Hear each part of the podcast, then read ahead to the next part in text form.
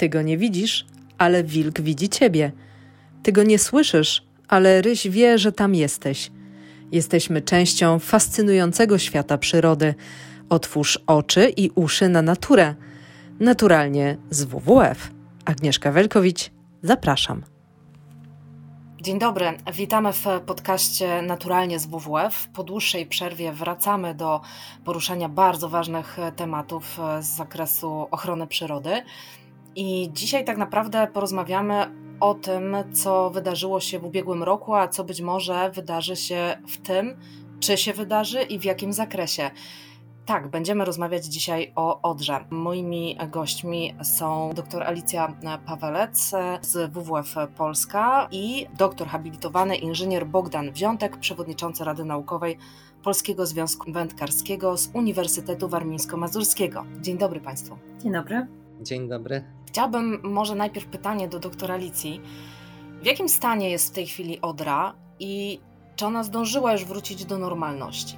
Zupełnie nie. No i pytanie też, jak rozumiemy tą normalność, ponieważ Odra jest rzeką mocno uregulowaną, jest co najmniej od lat 50. mocno zasalaną, więc ta, ta jej normalność będzie miała inną definicję niż normalność innych wielkich rzek nizinnych, jak na przykład Wisła. Natomiast wiemy już, że Odra nie wróciła do swojego stanu sprzed katastrofy.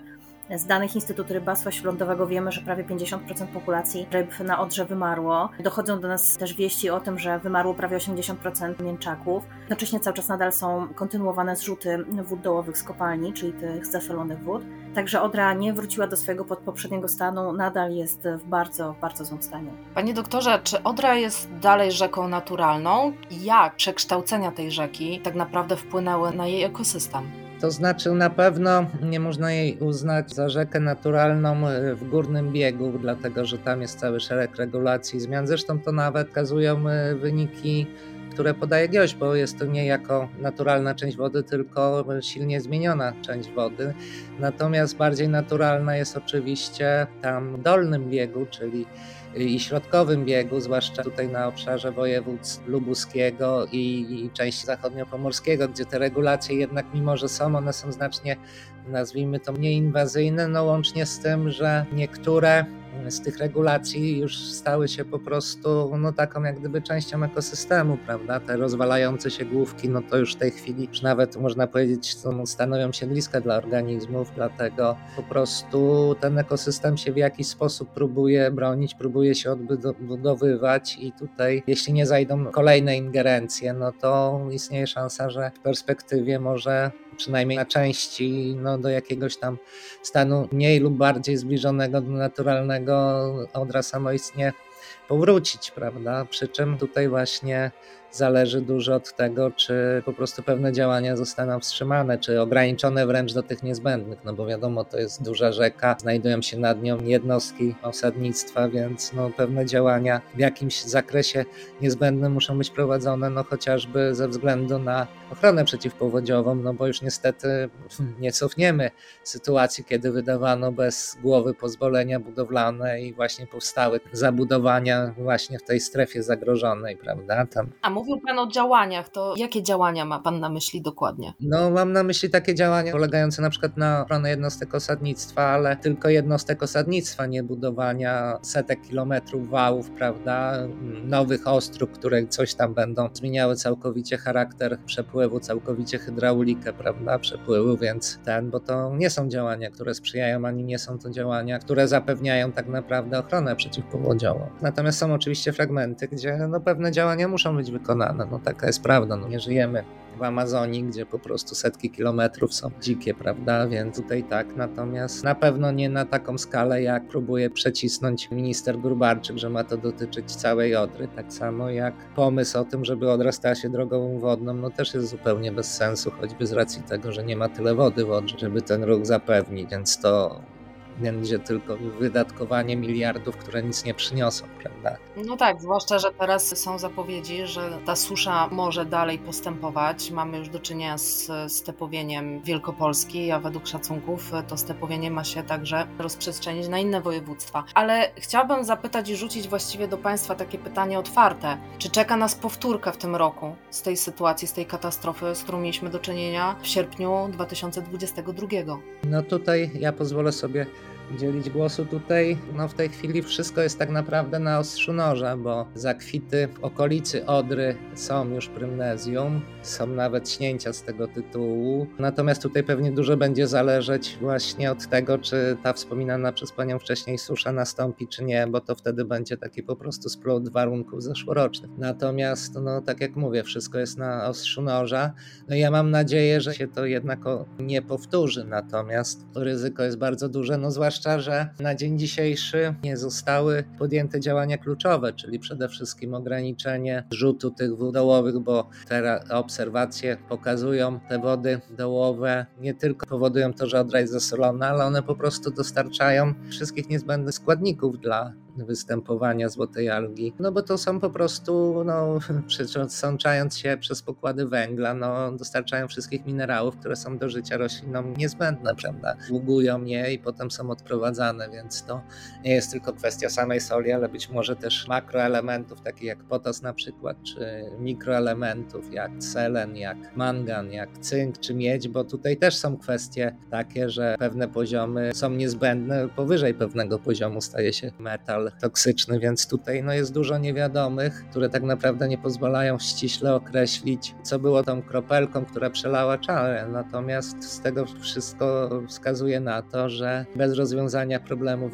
dołowych, no raczej sobie z algą nie poradzimy, no łącznie z tym, że tej chwili brak jest działań takich, nazwijmy to doraźnych, czyli tak jak naszym zdaniem, to znaczy rady likwidowania tych ognisk zakwitu, zwłaszcza w otoczeniu Odry, które pojawiają się w małych zbiornikach, prawda? Gdzie naszym zdaniem powinny być te zbiorniki odłączane od Odry, no, przykro, że to wpłynie na biocenozę, no ale w istniejącej sytuacji no, ciężko jest usmażyć omlet nie zbijając jajek, prawda? Powinno być jak najwięcej organizmów z tych zbiorników odławianych, zwłaszcza ryb. No i potem stosowane te środki, które są na przykład stosowane w Stanach Zjednoczonych, czyli woda utleniona, czy, czy siarczan miedzi, prawda? Do po prostu fizycznego zwalczania. Bo o ile na takich, naszym zdaniem przynajmniej, na takich małych zbiornikach sytuacja jest jeszcze do opanowania, prawda? Choćby ze względu na powierzchnię, no to w sytuacji właśnie roz, rozlania się zakwitu, nazwijmy to po Odrze, no to będziemy w takiej samej pozycji jak w sierpniu ubiegłego roku, czy we wrześniu, gdzie, gdzie to są już po prostu ogromne objętości wody płynące i, i tu to, co potwierdza literatura światowa, no już tutaj żadnego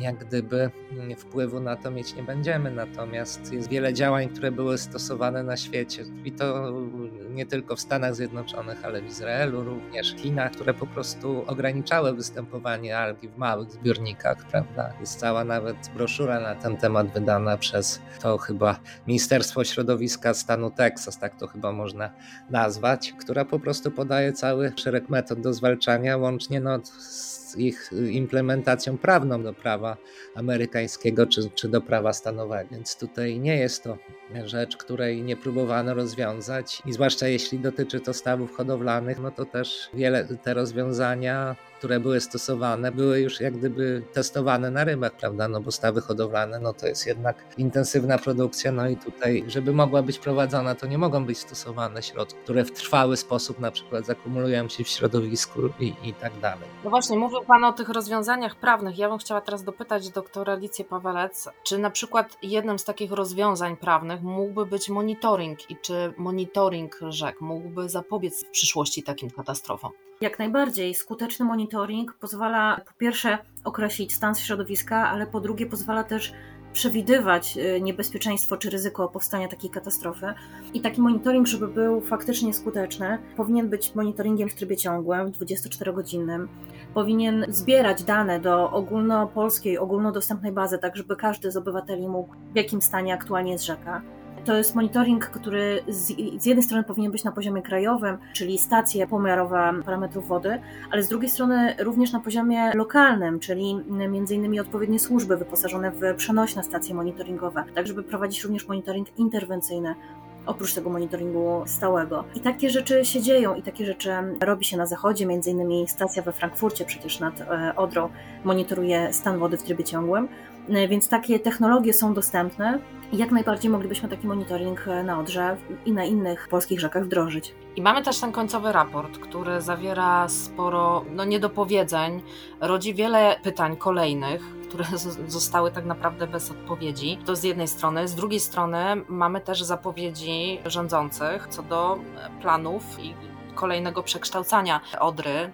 To są plany na żeglugę śródlądową to może też również chyba przyczynić się do pogłębienia dalszej degradacji ekosystemu, tak? Tak, każde takie prace degradują ekosystem i tak jak e, powiedział tutaj doktor Wziątek, wiadomo, że nie da się zrenaturyzować Odry w 100%, ponieważ no już po prostu zaszły pewne przekształcenia, których nie damy rady cofnąć. Nad Odrą osiedli się ludzie, muszą czuć się bezpiecznie, muszą być bezpieczni. Natomiast są takie fragmenty, gdzie można odtwarzać ekosystem Odry, gdzie można odsuwać wały, między innymi, a każde takie odtworzenie w miarę zbliżone do naturalnego ekosystemu pozwala ekosystemowi być bardziej odpornym na podobne katastrofy. Natomiast plany rządowe, które są obecnie przedstawiane, stoją w zupełnej sprzeczności, jeśli chodzi o zarządzanie kryzysowe i próbę uniknięcia takich katastrof, jaka miała miejsce w zeszłym roku. No dobrze, ale na przykład strona niemiecka widzi już problem, tak? I jest przeciwna dalszej regulacji Odry, a u nas cały czas wygrywa ten plan dalszego zabudowywania tej rzeki. I o co tutaj chodzi według Państwa? Dlaczego rządzący tak bardzo upierają się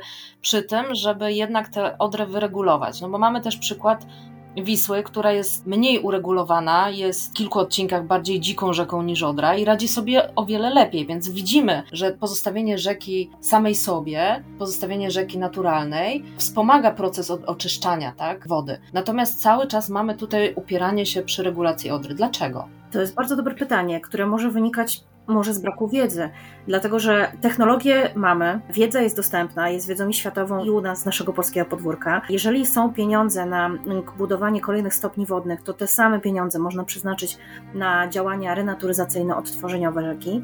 Także pieniądze też są. Dlaczego rząd brnie w niesprawdzone zupełnie działania, ciężko mi powiedzieć. Natomiast to jest tak, że mimo wszystko, mimo tych ogromnych planów, każdy z nas może jakoś wpłynąć na los Odry i może zabrać głos. Jeżeli rządowa specustawa na temat Odry będzie konsultowana, a w tym momencie nie wiemy, czy tak się stanie, to można wziąć udział w konsultacjach społecznych i wyrazić swoje zdanie na temat planów rządowych, ale można również podpisać nasz manifest WWF-u, który jest na naszej stronie, który również sprzeciwia się dalszym regulacjom, dalszemu pogłębianiu Odry. Także nawet takie maleńkie działania mogą mieć jakiś rzeczywisty wpływ na dalszy los rzeki. manifest.wwf.pl Panie doktorze, to samo pytanie kieruję do Pana. Dlaczego tak nam zależy na uregulowaniu Odry? Ja pani odpowiem na to pytanie, bo tak naprawdę nie wiem, bo w tej chwili już nie ma żadnych jak gdyby przesłanek, które by były za tym i to nie tylko pod kątem ochrony środowiska, ale na przykład z punktu widzenia geografii transportu, bo główna oś tranzytowa, która przebiega przez Polskę to jest wschód-zachód, a nie północ-południe, więc siłą faktu ten rzekomo niezbędny dla polskiej gospodarki czynnik, czyli droga wodna na Odrze, no jest taki dosyć, takie stwierdzenie jest dosyć ryzykowne. Druga rzecz to jest taka, że czas czas transportu. W tej chwili, kiedy podstawowym czynnikiem, który decyduje na przykład o powodzeniu firmy na rynku jest czas dostarczenia produktu, no to Odrzańska Droga Wodna nie stanowi żadnej konkurencji dla kolei czy, czy transportu samochodowego, więc, więc łącznie z tym, że tonaż tych barek, które mogą pływać, no to w zasadzie nie wiem, czy jedna barka jest w stanie zabrać tyle, co jeden pociąg, prawda? Bo z tego, co jak mi się kojarzy, to barki zabierają około 20 kontenerów, pociąg ma 36 wagonów czyli tutaj mamy 12 kontenerów więcej, więc no i czas transportu przyjmijmy z Katowic do Szczecina, czyli tam, gdzie ta droga wodna się miała rozpoczynać, to jest około 10 godzin barką co najmniej 4-5 dni, prawda? Więc tutaj nie mamy żadnego porównania, no i tak samo nie mamy żadnego porównania, jeśli chodzi o ekologię tego transportu, prawda? No bo to jest wszędzie udowodnione, że ten transport kolejowy no, jest, wiąże się z najmniejszymi zniszczeniami środowiska, bo oczywiście transport wodny jak najbardziej, tylko, tylko właśnie ta, na rzekach, które naturalnie mają głębokość żeglowną, czyli oczywiście on się sprawdza na Nilu, prawda? No tylko Odra nie jest Nilem, prawda? Mamy tą istotną różnicę. Właśnie chciałam dopytać, panie doktorze, jak to wygląda w Europie? No w Europie ten transport istnieje w wielu miejscach, natomiast istnieje on na rzekach, które po prostu mają na tyle zasobność wody, prawda, że ta głębokość y, żeglugowa, czyli to jest chyba 2,7 metra, prawda, utrzymuje się przez większą część roku i ewentualnie w jakichś krótkich okresach tych skrajnych niżówek trzeba ją alimentować. Natomiast w przypadku Odry jest zupełnie odwrotnie. Tam w zasadzie utrzymanie tej mm, głębokości żeglownej w czasie trwania całego sezonu żeglugowego no, jest nierealne, prawda? No, trzeba by tej wody dolewać. No, chyba, że po prostu na przykład powstaną lodowce w Sudetach, prawda? I wtedy, wtedy będzie to zasilane nie lodowcowe jak Renu czy Łaby, prawda? No, wtedy, wtedy jest to możliwe, natomiast no, projekt wysoce abstrakcyjny, prawda? Więc tak, biorąc pod uwagę zmianę klimatu i ocieplenie, to raczej na lodowce nie mamy co liczyć. Natomiast chciałabym jeszcze wrócić do zatrucia Odry, no bo okazuje się, że największym zagrożeniem e, są zrzuty pokopalniane. Kto głównie truje? Doktora Alicja. Kto? To jest tak, że najwięcej chlorków, bo mówimy tutaj o zasoleniu, czyli o chlorkach, najwięcej chlorków e, zrzuca przemysł górniczy. Wynika to jasno z. A nie ścieki komunalne, tak jak ostatnio słyszymy? Zupełnie nie. Ścieki komunalne to zaledwie 3% wszystkich zrzutów chlorków do, do, do Rzecza Wisły i do Rzecza Odry. Natomiast e, prawie 80% to są ścieki, znaczy ścieki, wody dołowe, zrzuty chlorków związane z e, górnictwem i można to sobie bardzo łatwo sprawdzić, jeżeli ktoś nie wie, że jest taka ogólnodostępna baza PRTR, do której firmy muszą raportować między innymi zrzuty chlorków i jak się zanalizuje dane, które są w, w tej bazie, to jasno z nich wynika, że w głównej i to naprawdę przeważającej mierze za zrzuty chlorków odpowiada górnictwo. A czy rząd może jakoś temu zaradzić? Jak najbardziej. Jest tak, że oczywiście nikt nie mówi o tym, żeby teraz zamknąć wszystkie kopalnie w ciągu miesiąca, natomiast y, jak najbardziej można stosować specjalne na przykład membrany czy, czy specjalne technologie, które pozwalają odsalać te wody, czyli i tak kopalnia musiałaby się pozbywać tej wody, musi, bo inaczej zaleje, woda to zaleje górników, ale mogłaby przeprowadzać tą wodę przez specjalny system, który odsalałby ją między innymi właśnie z chlorków i siarczków i powodowałby odzyskiwanie tej wody z jednej strony i można by wykorzystać tą wodę ponownie choćby w, na przykład w obiegu zamkniętym, jeśli chodzi o obsługę kopalni. Ja rozumiem, że my mamy dostęp do tych technologii. Tak, my jak jako Polska. Tak, jak najbardziej. E, mhm. Jedna z kopalni, co najmniej jedna z kopalni już coś takiego robi, dzięki temu bardzo zaoszczędza wodę, a zaoszczędzona woda to są zaoszczędzone pieniądze. A czy można uzależnić zrzuty na przykład od przepływu wody i monitorować te zrzuty? Jak najbardziej. Również to jest to, co postulujemy razem z innymi organizacjami, innymi Białej Księdze, żeby zrzuty, jakiekolwiek zrzuty, nie tylko z kopalni, ale jakiekolwiek zrzuty ścieków były uzależnione od aktualnego stanu wody na rzece. Można sobie zrobić taki prosty eksperyment. Jeżeli rozpuścimy dwie łyżki soli w całej szklance wody albo w pół szklance wody, to stężenie tej soli będzie zupełnie inne w obu tych szklankach i dokładnie tak się dzieje na rzece. Im mniej wody, tym wyższe jest stężenie zrzucanych substancji, tym bardziej toksyczne jest to stężenie dla organizmów wodnych. Im więcej tej wody, tym to stężenie maleje. I to środowisko, które jest bardziej zasolone, sprzyja do rozwijania się złotych alg, tak? Dokładnie, więc im większe mamy zasolenie w wodzie, tym większe mamy ryzyko podobnej katastrofy na Odrze. A z kolei takie środowisko nie sprzyja życiu ryb.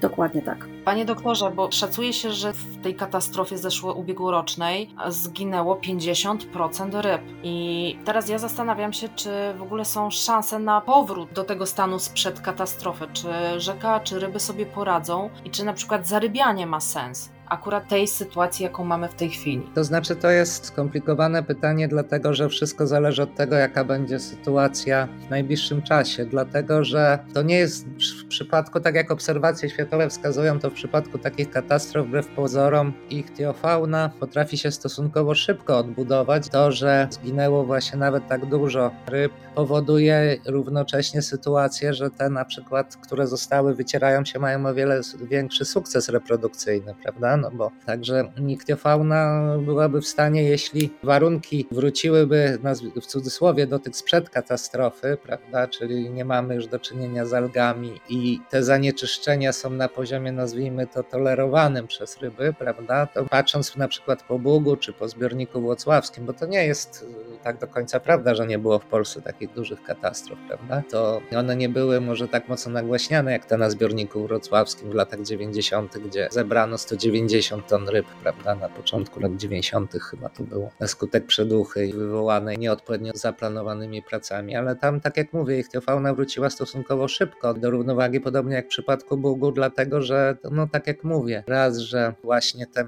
organizmy mają, te ryby, które zostały, mają i ich potomstwo ma lepsze warunki do rozwoju, no poza tym wbrew pozorom to środowisko zostało znacznie wzbogacone właśnie w tą martwą materię, prawda, na której się rozwijają te kolejne piętra. I tutaj w przypadku Odry przynajmniej mówimy przede wszystkim o mięczakach, prawda, które również zginęły, natomiast odnosząc do śmierci mięczaków, one mięczaki mają mniejsze znaczenie jako zasoby pokarmu dla ryb. To w zasadzie niektóre gatunki tylko żywią się, istotny składnik diety stanowią mięczaki. No mięczaki mają skorupy, więc nie wszystkie ryby potrafią je rozkruszyć, prawda? Natomiast właśnie plankton, który się rozwija oraz larwy chironomide, prawda? To są te bardzo istotne składniki pokarmu i tutaj, tak jak nawet pokazują moje obserwacje z kwietnia tego roku na kanale Gliwickim przeprowadzone poniżej ujścia Kłodnicy do Dzierżna, to na przykład nawet liczebność mięczaków wbrew pozorom tak nie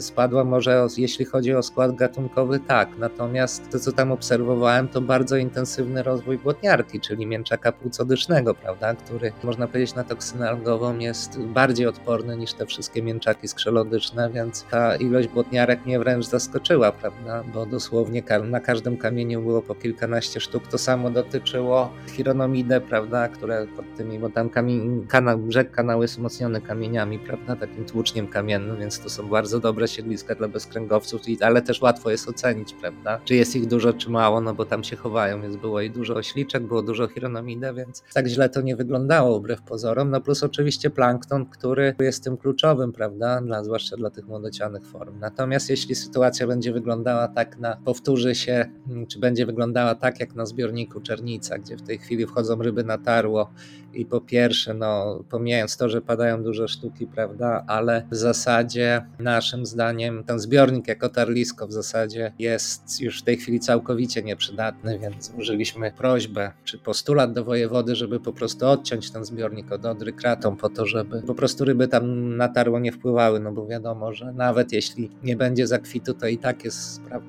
ta fauna planktonowa tak zdziesiątkowana, że te młode ryby, które się wyklują, padną z głodu, prawda, bo nie będą miały co jeść, one jedzą dużo i muszą zjeść szybko od momentu wyklucia. Więc jeśli ta sytuacja będzie się toczyć, czyli że właśnie algi będą się rozwijać w takich małych zbiornikach tarliskowych, no to ten proces renaturyzacji czy samoodtwarzania będzie bardzo długi, powolny w czasie, albo bo wręcz może wcale nie zajść. Natomiast jeśli chodzi o zarybienie, to tu również sytuacja jest bardzo trudna do oceny, no bo tak jak mówię, nie wiemy, co zdarzy się za tydzień, prawda? Nie wiemy, co zdarzy się za miesiąc tak naprawdę. Więc teoretycznie teraz, tak jak przynajmniej wskazują te ostatnie dane, które miałem, no Prymnezjum poza tymi zbiornikami i kanałem Gliwickim w zasadzie w Odrze jest sporadycznie nocowane i to też dotyczy jak na razie na szczęście pojedynczych zbiorników, takich jak Czernica, więc no teoretycznie sytuacja wygląda dobrze, natomiast tak jak mówię, nie zostały wprowadzone te i w najbliższym czasie pewnie trudno na to liczyć te zmiany systemowe, czyli zmiana sposobu gospodarowania wodami dołowymi, prawda, tak żeby po prostu zmniejszyć intensywność zasolenia. Co prawda pani minister Moskwa w interpelacji w odpowiedzi na interpelację zespołu do spraw renaturyzacji Odry, którego jestem przy okazji ekspertem, napisała, że jest opracowywany w tej chwili program, który będzie umożliwiał właśnie dostosowywanie ilości zrzutu wód zasolonych do wartości przepływów, czy to w Odrze, czy w kanale Gliwickim, no ale mówię, zobaczymy jak to będzie funkcjonować. Natomiast na pewno to takie działanie, nawet takie nazwijmy to dosyć prozaiczne, nie wymagające jakichś tam skomplikowanych technologii, jakie prowadzi kolektor Olza, czyli po prostu retencjonowanie i dysponowanie tymi wodami w jakiejś dłuższej jednostce czasu, no pokazuje, że przynosi to efekty, bo te liczebności prymnezium, które były obserwowane właśnie w zeszłym roku tam w okolicy kolektora Olza i powyżej, no były znacznie niższe niż te, które były odnotowywane poniżej ujścia kanału Gliwickiego, więc tu no, nazwijmy to korelacja pomiędzy ilością zrzutów a ilością rzutu soli, a właśnie zagrożeniem jest dosyć oczywista, prawda? I tam też również były tych dużo niższe koncentracje mikro czy makroelementów, prawda? Przynajmniej tych, które były badane, więc to oczywiście wskazuje, że prymnezium tam żyło, natomiast nie było szkodliwe, bo no bo sytuacja wygląda tak, że jest to jakiś tam organizm, który sobie żyje w środowisku, natomiast nie stanowią tak naprawdę dla nas problemu, nawet jeśli stworzy zakwit, natomiast problemem dla nas jest to, jeśli ten zakwit będzie toksyczny, prawda? Więc tutaj, tutaj te działania powinny być na tym w tym celu na to nakierowane, żeby właśnie przede wszystkim no, dążyć do wprowadzania tych sposobów ograniczania ilości soli, która dopływa, z różnych soli, które dopływają do Odry, czy to kanałem, czy innymi rzekami. A być może nawet, tu pani Alicja wspominała o wykorzystaniu w obiegu zamkniętym, ale woda dołowa to wbrew pozorom nie jest ściek, bo to nie jest woda zanieczyszczona, nazwijmy to chemicznie. Ona po prostu posiada podwyższoną zawartość soli, która po usunięciu powoduje, że ona jest zdatna do picia, to po pierwsze, ale równie dobrze może być na przykład wykorzystywana do alimentowania odry czy kanału, prawda? Jeśli ona będzie miała zasolenie, ta woda, która będzie odprowadzana poniżej tam 600 czy, czy 500 mikrosiemensów, to, to ona może być z powodzeniem wykorzystania właśnie do poprawy sytuacji hydrologicznej, prawda? Więc to są rozwiązania, które tutaj właśnie gospodarka wodami dołowymi może po prostu, wody dołowe mogą być również wykorzystywane po odpowiedniej adaptacji do, do poprawy sytuacji hydrologicznej. Ja oczywiście nie jestem specjalistą w tej dziedzinie, to jest taki mój luźny pomysł, ale ten, to na przykład zgłosiliśmy jesienią do przedstawicieli Komisji Europejskiej, czy nie warto by było właśnie zająć się tym problemem, właśnie patrząc na to w ten sposób, prawda? No bo sprawa dotyczy nie tylko Polski, ale, ale generalnie większości zakładów wydobywczych związanych e, z węglem czy, czy z górnictwem metali, prawda? Bo bo w sytuacji innej to ja na przykład osobiście znam sytuację, gdzie hodowca spod hełma w czasie ustanawiania planu zadań ochronnych dla obszaru Natura 2000 Pawłów stanowczo żądał, żeby na jego stawy płynęła woda z kopalni Kredy, prawda? Bo, bo miał zasilanie i, i, w zasadzie bezkosztowo uzyskiwał wydajność taką jak średnia w Polsce, prawda? Gdzie, gdzie stosuje się karmienie. Także to nie jest do końca tak, że te wody są zawsze i ten złe, prawda? Tylko mówię, no wymaga to po prostu innego spojrzenia na problem, innego podejścia systemowego, no bo jeśli dalej będziemy funkcjonować w rzeczywistości, że oczyszczanie wód dołowych czy odsalanie wód dołowych jest y, czynnikiem, który y, obniża opłacalność wydobycia węgla czy innych metali, no to, no to będziemy dalej w tym samym punkcie co w sierpniu. Prawda? Prawda? Przy czym oczywiście z punktu widzenia kopalni być może tak jest, natomiast gdyby kopalnia czy, czy inny zakład górniczy musiała się dołożyć do właśnie do kosztów renaturyzacji, pewnie zmieniłaby zdanie. Tu w ogóle to problem jest całościowy, choćby z tego względu, że tak naprawdę te koszty zrzutu ścieków są niewielkie, dlatego że ci, którzy zrzucają ścieki nielegalnie czy legalnie, ale powodując zmiany w środowisku, nie, nie ponoszą kosztów obniżenia wartości usługi ekosystemowej, prawda? Bo jest zupełnie inny, bo jeśli się to policzy zgodnie z na przykład te dane chociażby dotyczące Odry, jeśli by policzyć zgodnie na przykład z metodami szacowania strat rybackich, to to nie byłoby kilkaset tysięcy złotych, tylko kilkadziesiąt y, milionów, jeśli nie kilkaset milionów, dlatego że ten koszt odtworzenia właśnie usługi ekosystemowej no, będzie ogromny, prawda? Czyli koszty materiału, zarybienia, etc., etc., etc., prawda? To wszystko można wyliczyć, natomiast i w ten sposób to powinno być szacowane, prawda? Natomiast to nie jest tylko właśnie kilogram padliny, którą trzeba zutylizować, ale to jest określony czas, kiedy ta ryba musi wyrosnąć, to musi być określona ilość materiału zarybieniowego, etc., etc. I, i tutaj koszty, koszty są zdecydowanie większe, Natomiast my będziemy jako zespół będziemy się starali, podejmiemy próby, żeby właśnie ten sposób wyceny takich przynajmniej, ja używam, ja jestem doktorem rybactwa habilitowanym, więc używam takiej terminologii y, zawodowej, ten właśnie system wyceny strat rybackich zmienić, prawda, żeby to nie było tylko sam wartość, nazwijmy to w cudzysłowie, kilograma ryby w Lidlu, prawda? Tylko żeby były właśnie uwzględniane przy kolejnych, przy, w perspektywie właśnie koszty odtworzenia usługi, czyli przywrócenia do stanu pierwotnego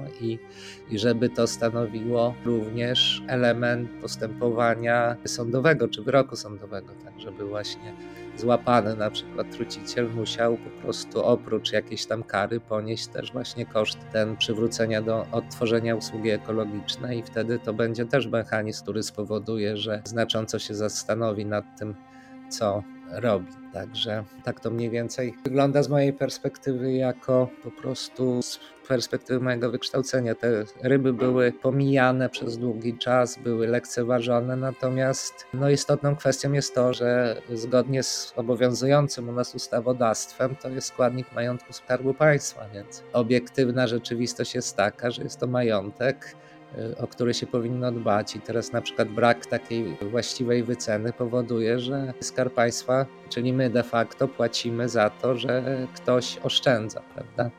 Więc sprawa wygląda w ten sposób. Ja rozumiem, to jest temat rzeka i moglibyśmy pewnie jeszcze bardzo długo rozmawiać o i o innych rzekach w Polsce i w Europie, ale mam dla Państwa na sam koniec takie chyba karkołomne zadanie, podsumowanie jednym zdaniem, krótkim, co możemy zrobić dla naszych rzek doktor Alicja Pawelec. Włączyć się i współdecydować przede wszystkim, czyli między innymi brać udział w konsultacjach społecznych wszelkich dokumentów dotyczących rzek, ale również brać udział we wszelkich inicjatywach, tak jak inicjatywy czy utworzenia Parku Narodowego Doliny Dolnej Odry, czy wszelkie marsze dla Odry, oraz takie najmniejsze działania, które w zasadzie nie wymagają nawet wyjścia z domu, czyli na przykład podpisanie naszego manifestu. To są zaledwie dwa kliknięcia, a może to zmienić wiele, bo będziemy wymagać zmian systemowych na rządzących.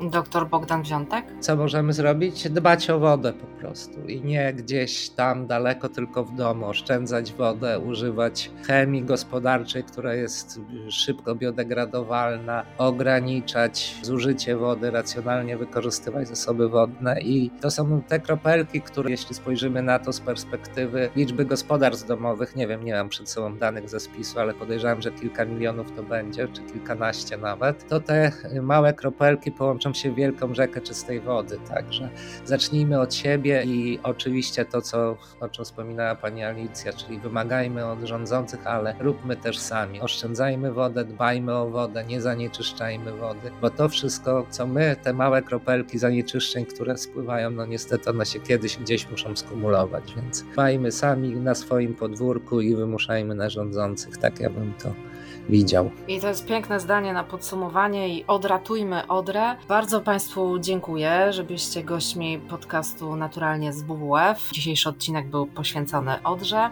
Jeszcze raz przypomnę, gośćmi byli dr Alicja Pawelec, kierowniczka Zespołu Ochrony Ekosystemów Wodnych WWF Polska i doktor habilitowany inżynier Bogdan Wziątek, przewodniczący Rady Naukowej Polskiego Związku Wędkarskiego, Uniwersytet Warmińsko-Mazurski. Bardzo Państwu dziękuję. Dziękujemy. Do widzenia. Dziękuję również.